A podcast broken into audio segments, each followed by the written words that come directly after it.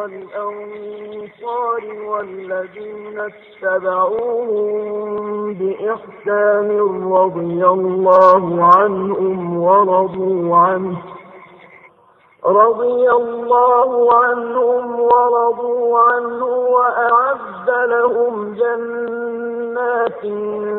تجري تحتها الأنهار خالدين فيها أبدا ذلك الفوز العظيم Allah je zadovoljan prvim muslimanima, muhađirima i ensarijama, i svima onima koji ih slijede dobra djela čineći, a i oni su zadovoljni njime. Za njih je on pripremio džennetske bašče kroz koje će rijeke teći i oni će vječno i zauvijek u njima boraviti. To je veliki uspjeh.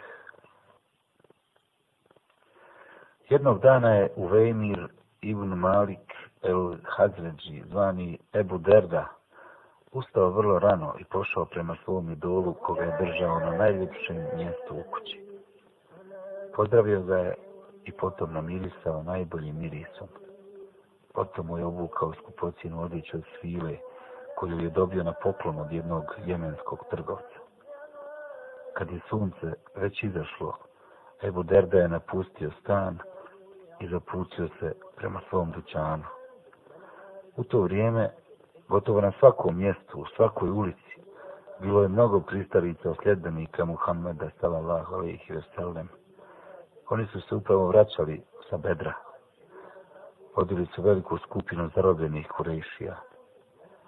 S obzirom da Ebu Derda nije želio susret s ovim ljudima, zaobišao ih je. Međutim, susreće se s jednim mladićem koji je bio iz plemena Hazređ. Upitao ga je za Abdullaha ibn Džuvahu. Mladić mu je odgovorio da je na bedru bio na velikim iskušenjima, ali da se vratio živ i zdrav i da se ne brine za njega. Mladić se nije čudio ovakvom pitanju Ebu Derda. Svi su znali da je on sa Abdullahom ibn Dževahom pobratim još ispred islamskih dana.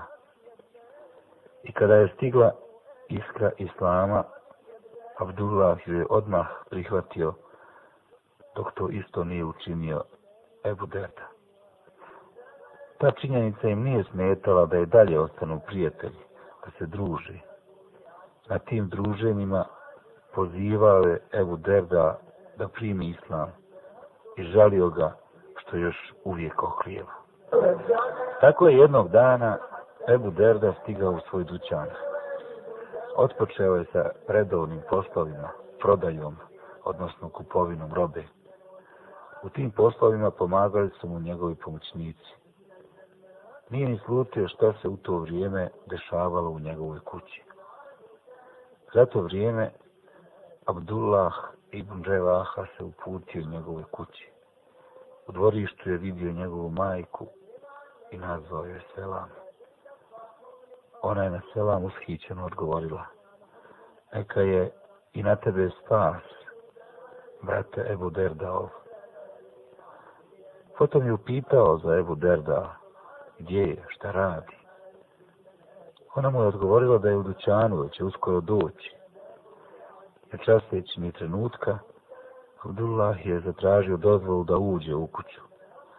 I kad je od starice dobio dozvolu, upao je. Odmah je otišao do sobe u kojoj se nalazi Ebu Derdov kip. Razbio ga je u paramparčad. I dok je to činio, glasno je govorio. Sve što se obožava mimo Allaha Đelešanuhu, pogrešno je. To je ponavljao više puta. I kada je obavio posao, napustio je kuću. Za to vrijeme, maći Ebu Derda je spremala ostali dio kuće i brinula se oko djece. Prasak polomljenog kipa kao da je opomenuo da se nešto čudno dešava u njihovoj kući. Otišla je do prebivališta kipa i vidjela ga izlomljenog. Zaprepastila se i ostala bez riječi. Počela se čupati zakos, udarati po licu. I tada su počele navirati riječi. Upropastio si me, o sine Revahov. Ubrzo se na vratima kuće pomolio Ebu Derda. Začudio se kad je vidio svoju ženu kako sjedi i plače na sav glas kod vrata sobe u kojoj se nalazi kip. Njegova žena se plašila kako će dočekati Ebu Derda i taj strah se osjećao na izrazu njenog lica. Pitao ju je, šta ti je? Odgovorila mu je, tvoj brat Abdullah ušao je u kuću u trenutku kad nikog nije bilo. I eto šta uradi sa tvojim kipom. I pogledao je to, vidio, jako se naljutio htio je da se osvijeti svom prijatelju. Ali ubrzo je Ebu Derda mašila srđba. Da ima kakva vrijednost u ovom kipu, on bi se branio. Nakon izvjesnog vremena, Ebu Derda se uputio prema Abdullahu ibn Revahu i zajedno sa njim pošao do Božih poslanika i oglasio svoj prelazak u islamu. I on je bio posljednji u svojoj četvrti koji je primio islam. Od samog početka primanja islama, Ebu Derda je iskreno prihvatio vjeru u jednoga Allaha i u poslanika Muhammeda sallallahu alaihi ve sellem. Tako da je iman ušao u svaki dio njegova tijela.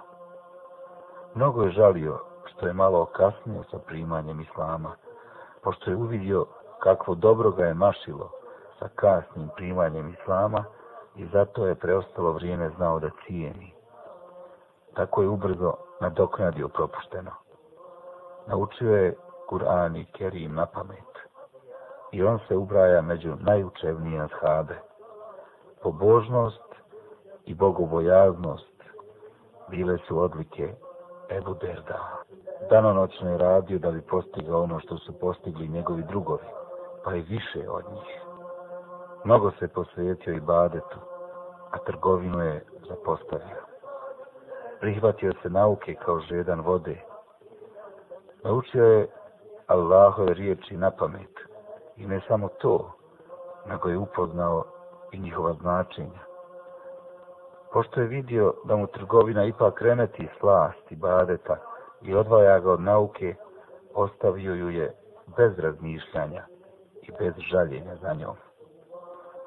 Nekoga je upitao o tome, a on je odgovorio.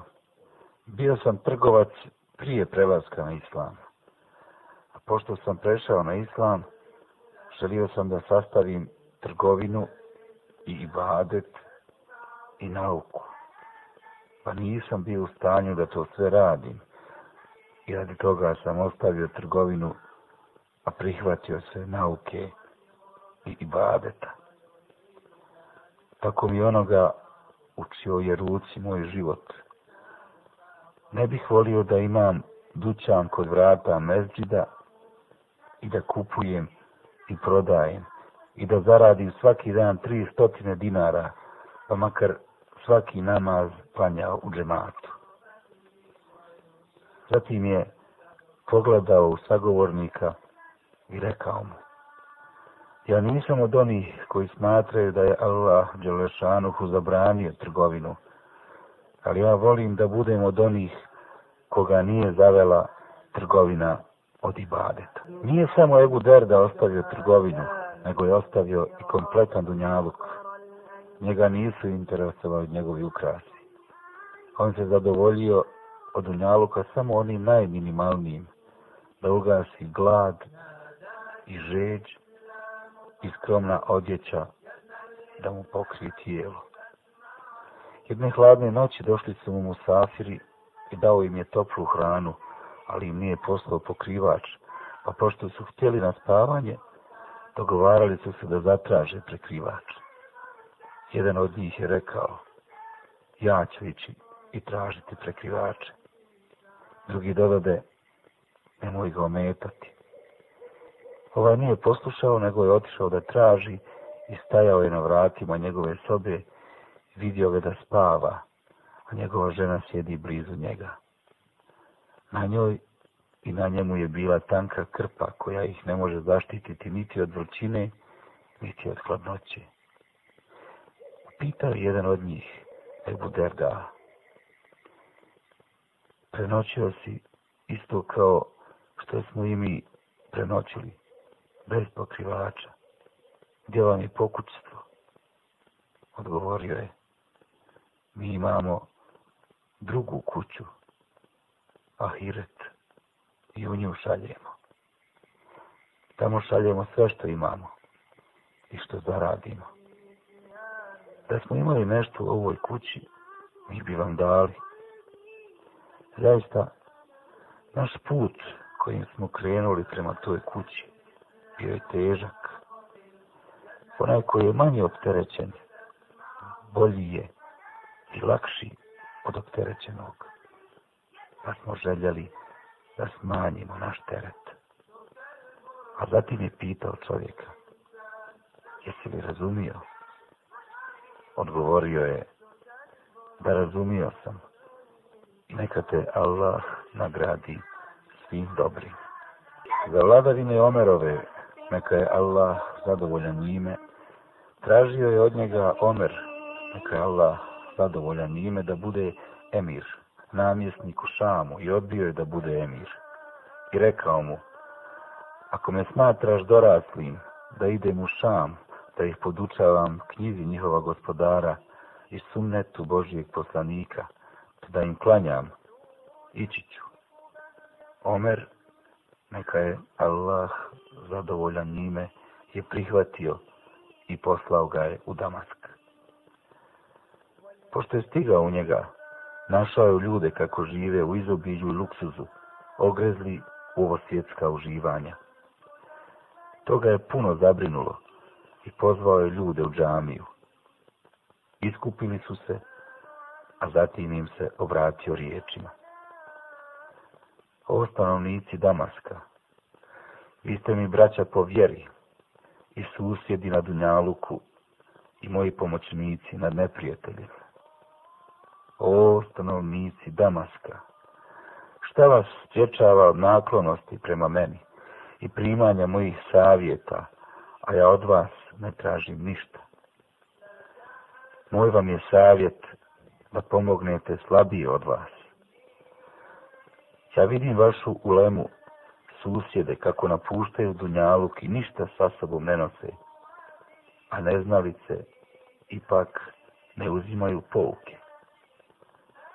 I vidim vas da se previše trudite oko na fake, zašto se pobrinuo Allah Đelešanuhu, a ostavili ste ono što vam je naređeno. Ja vas vidim, prikupljate ono što ne jedete i gradite ono gdje nećete stanovati. I težite onom što nećete nikad dostići. I prijašnji narodi su skupljali i željeli, težili, ali nisu bili dugo vlasnici tog bogatstva. Sva su im propala. Njihova stremljenja su varka, a njihove kuće su postale njihovi kaburovi. Hudov narod, stanovnici Damaska, oni koji su otkazali poslušnost prema svom poslaniku, imali su svega u izobilju zbog griješenja, a Allah, Đelešanuhu ih je uništio. Hoće li neko da kupi moju ostavštinu za dva dirhema?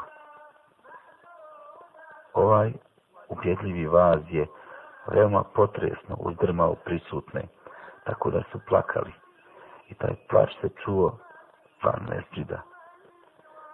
I od toga dana Ebu Derda je bio u društvu tih ljudi i obilazio čaršiju i odgovarao bi na postavljena pitanja i podučavao bi neuke. Upozoravao bi nemarne, koristeći za to svaku priliku. Jednom prilikom je prošao pored jedne grupe ljudi koji su grdili tukli čovjeka zbog neke greške. Prišao im je i upitao ih šta se dogodilo. Odgovorili su. Tučemo ga zbog toga što je počinio veliki grijeh.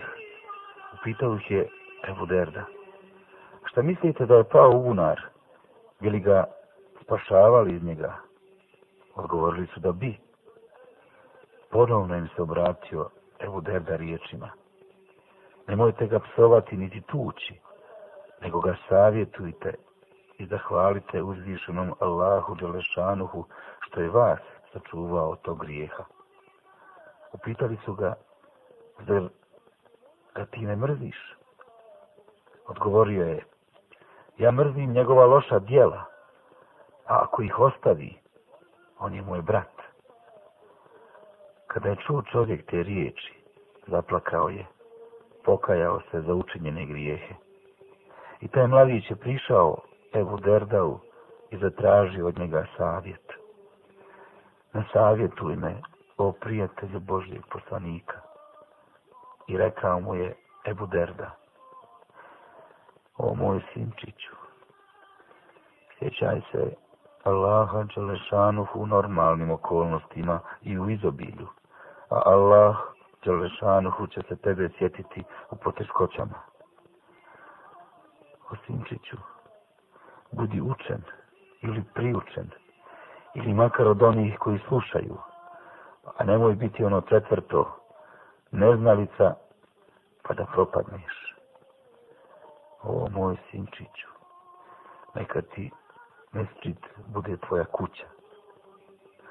Ja sam čuo od Allahovog poslanika kad je rekao, mesčid je kuća bogobojaznog, Allah je bogobojaznim obećao svoju milost i blagostanje i to mu je put ka Božijem zadovoljstvu ukoliko se bude nalazi u džamijama i u njima i badetio.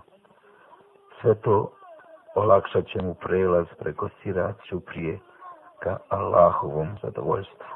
Dok je jedna grupa mladića sjedila pored puta pričajući i posmatrajući prolaznike, prišao im je Ebu Derda i rekao O moji sinovi, za mumina je najsigurnije mjesto njegova kuća, jer na taj način štiti sebe i svoj pogled. Čuvajte se i sjeđavanje po čaršijama, po ulicama, jer to ničemu ne vodi. Dok je Ebu Derda boravio u Damasku, poslao je Muavija prosto da prose njegovu kćerku Muavinog sina Jezida. Ali je Ebu Derda nije dao Muavinu sinu, iako je imao i vlast i ugled. Kćerku je udao za onog čijim je ponašanjem i vjerom bio zadovoljan. Na bogatstvo nije gledao, niti na toj bazi stečanu čast. O prosidbi Ebu Derdaove kćerke za Muavina sina. Narod je saznao i o tome se pričalo kako je Ebu Derda odbio Muavina sina, a kćerko ženio sa jednim običnim, siromašnim čovjekom. U vrijeme kada je Ebu Derda boravio u Šamu, posjetio ih je Emirul Muminin, Omer ibn el Hatab, da izvedi u kakvom su stanju. Posjetio je svoga druga Ebu Derda u njegovoj kući noću. Gurnuo je vrata koja nisu bila zaključana. Ušao je mračnu sobu, jer nije bilo svjetla. Pošto je Ebu Derda osjetio da je neko ušao, ustao je, i izrazio dobrodošlicu i dozvolio mu da sjedne. Odmah su počeli prepričavati jedan drugom hadise, a noćna tmina im nije dozvoljavala da se vide. Omer je pipao, i dodirivao njegovu postelju kad tamo, a ono hasura na pjesku. Napipao i njegov jastuk, to je bilo obično konjsko ćebe. Opipao je njegov prekrivač i tvrdio da je to obično platno kojemu gotovo ništa ne znači u hladnom šamu. Utvrdivši sve to, Omer ga upita. Allah ti se smilovao hoću li ti nešto poslati od pokućstva? Odgovorio je Ebu Derda, zar se ne sjećaš o Omere, hadisa Božijeg poslanika? Pitao je Omer na koji hadis misli, a Ebu Derda je odgovorio, zar Alihi Selam nije rekao, dosta vam je od Dunjaluka onoliko koliko je potrebno putniku. Omer je odgovorio, da, Sjećam se. Pitao ga je Omer koliko smo dostojni ovog hadisa, koliko ga se držimo. Kada je čuo Omerove riječi, zaplakao je. Plakao je sa njim i Ebu Derda. I tako su kroz plač razgovarali sve do zore. I ostao je Ebu Derda u Damasku, savjetujući ljude i podsjećajući ih na prolaznost Dunjaluka, podučavao ih je Kur'anu i sunnetu sve do smrti. Pa pošto je bio na smrtnoj postelji, pitali su ga šta te boli, odgovorio je moji grijesi. A pitali su ga šta želiš, odgovorio je oprost moga gospodara. A zatim se obratio prisutnim riječima. Postičite me na izgovor Talkina, a stalno je ponavljao šehadet, sve dok nije ispustio svoju plemenitu dušu i napustio ovaj prolazni svijet.